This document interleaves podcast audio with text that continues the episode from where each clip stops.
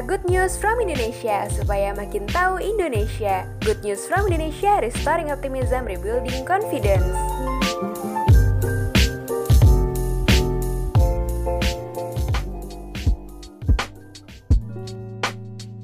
Halo kawan GNFI, kembali lagi di Good Voice, Good News from Indonesia Podcast. Good Voice kali ini akan membahas 5 ornamen dekorasi pelaminan adat Minang yang tak boleh dilupakan. Pernikahan jadi sesuatu yang sakral dan momen terindah dalam hidup. Wajar aja kalau setiap pasangan berupaya mengarahkan semua pikiran dan tenaga buat bikin hari itu jadi sempurna.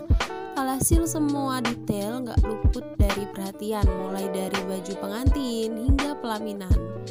Di acara pernikahan, pelaminan termasuk perangkat yang penting. Begitu juga pada pernikahan masyarakat di daerah Padang. Di pernikahan adat Minang ini, pelaminan udah seperti pakaian pengantin loh. Biasanya sih didominasi sama warna emas atau merah. Jadi mirip sama baju anak daro atau pengantin wanita dan marapulai atau pengantin laki-laki. Dekorasi pelaminan wajib banget nih dikasih kesan indah, mewah, dan juga megah. Soalnya, pelaminan ini jadi tempat duduk sang mempelai dan para tamu yang datang bakal fokus tuh ke pelaminan. Dan gak cuman itu, pelaminan punya makna terkait kehidupan baru yang bakal dijajaki sang mempelai. Dan juga ternyata bisa uh, untuk nunjukin strata sosial keluarga di masyarakat. Nah, buat kawan yang memilih pesta pernikahan tradisional adat Minangkabau, jangan lupa nih kalau ada beberapa aturan terkait ornamen dekorasi pelaminan yang gak boleh dilupain. Yang pertama, kain-kain bersulam benang emas. Nah, di pernikahan tradisional adat Minang, bakal kurang lengkap dan bermakna kalau nggak ada kain hiasan.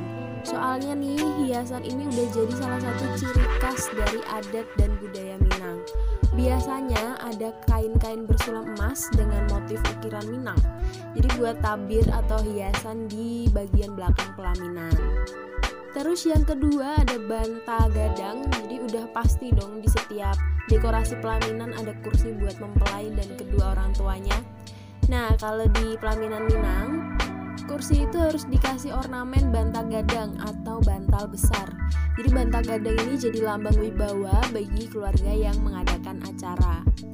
Jumlah bantang kadang mengisyaratkan banyaknya hewan yang telah dikorbankan. Jadi maksudnya hewan yang diolah untuk dikonsumsi selama perayaan pesta pernikahan tersebut.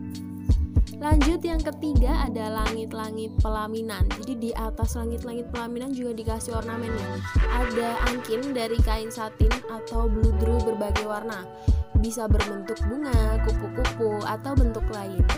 Angkin dibiarin menjuntai menyentuh kepala pengantin laki-laki saat bersanding di pelaminan.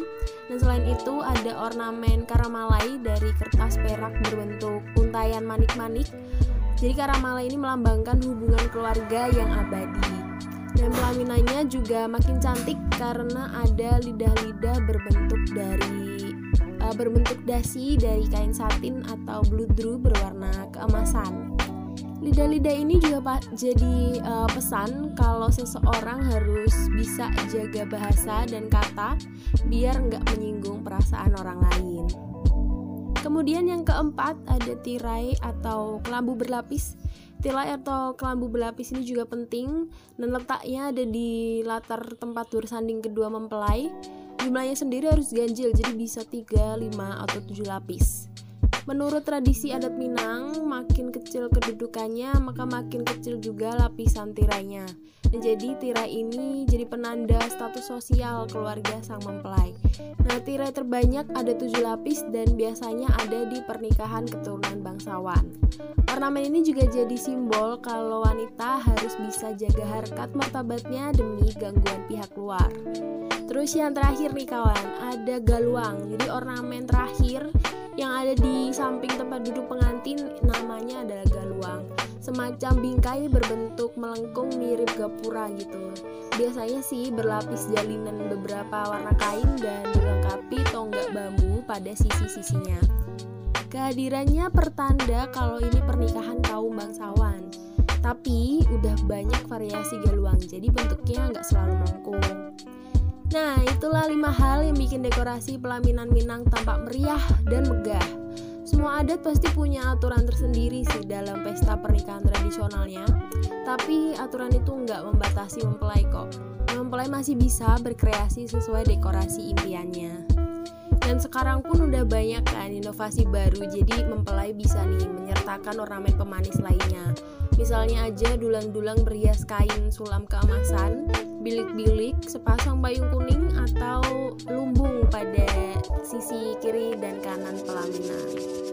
Nah, buat kawan yang berdarah Minang tertarik gak nih pakai dekorasi adat ini? Gimana? Sudah jadi makin tahu Indonesia belum? Nah, terima kasih sudah mendengarkan. Jangan lupa ikuti kami di @gnfi dan @kawan_gnfi dan baca juga di uh, www.goodnewsfromindonesia.id.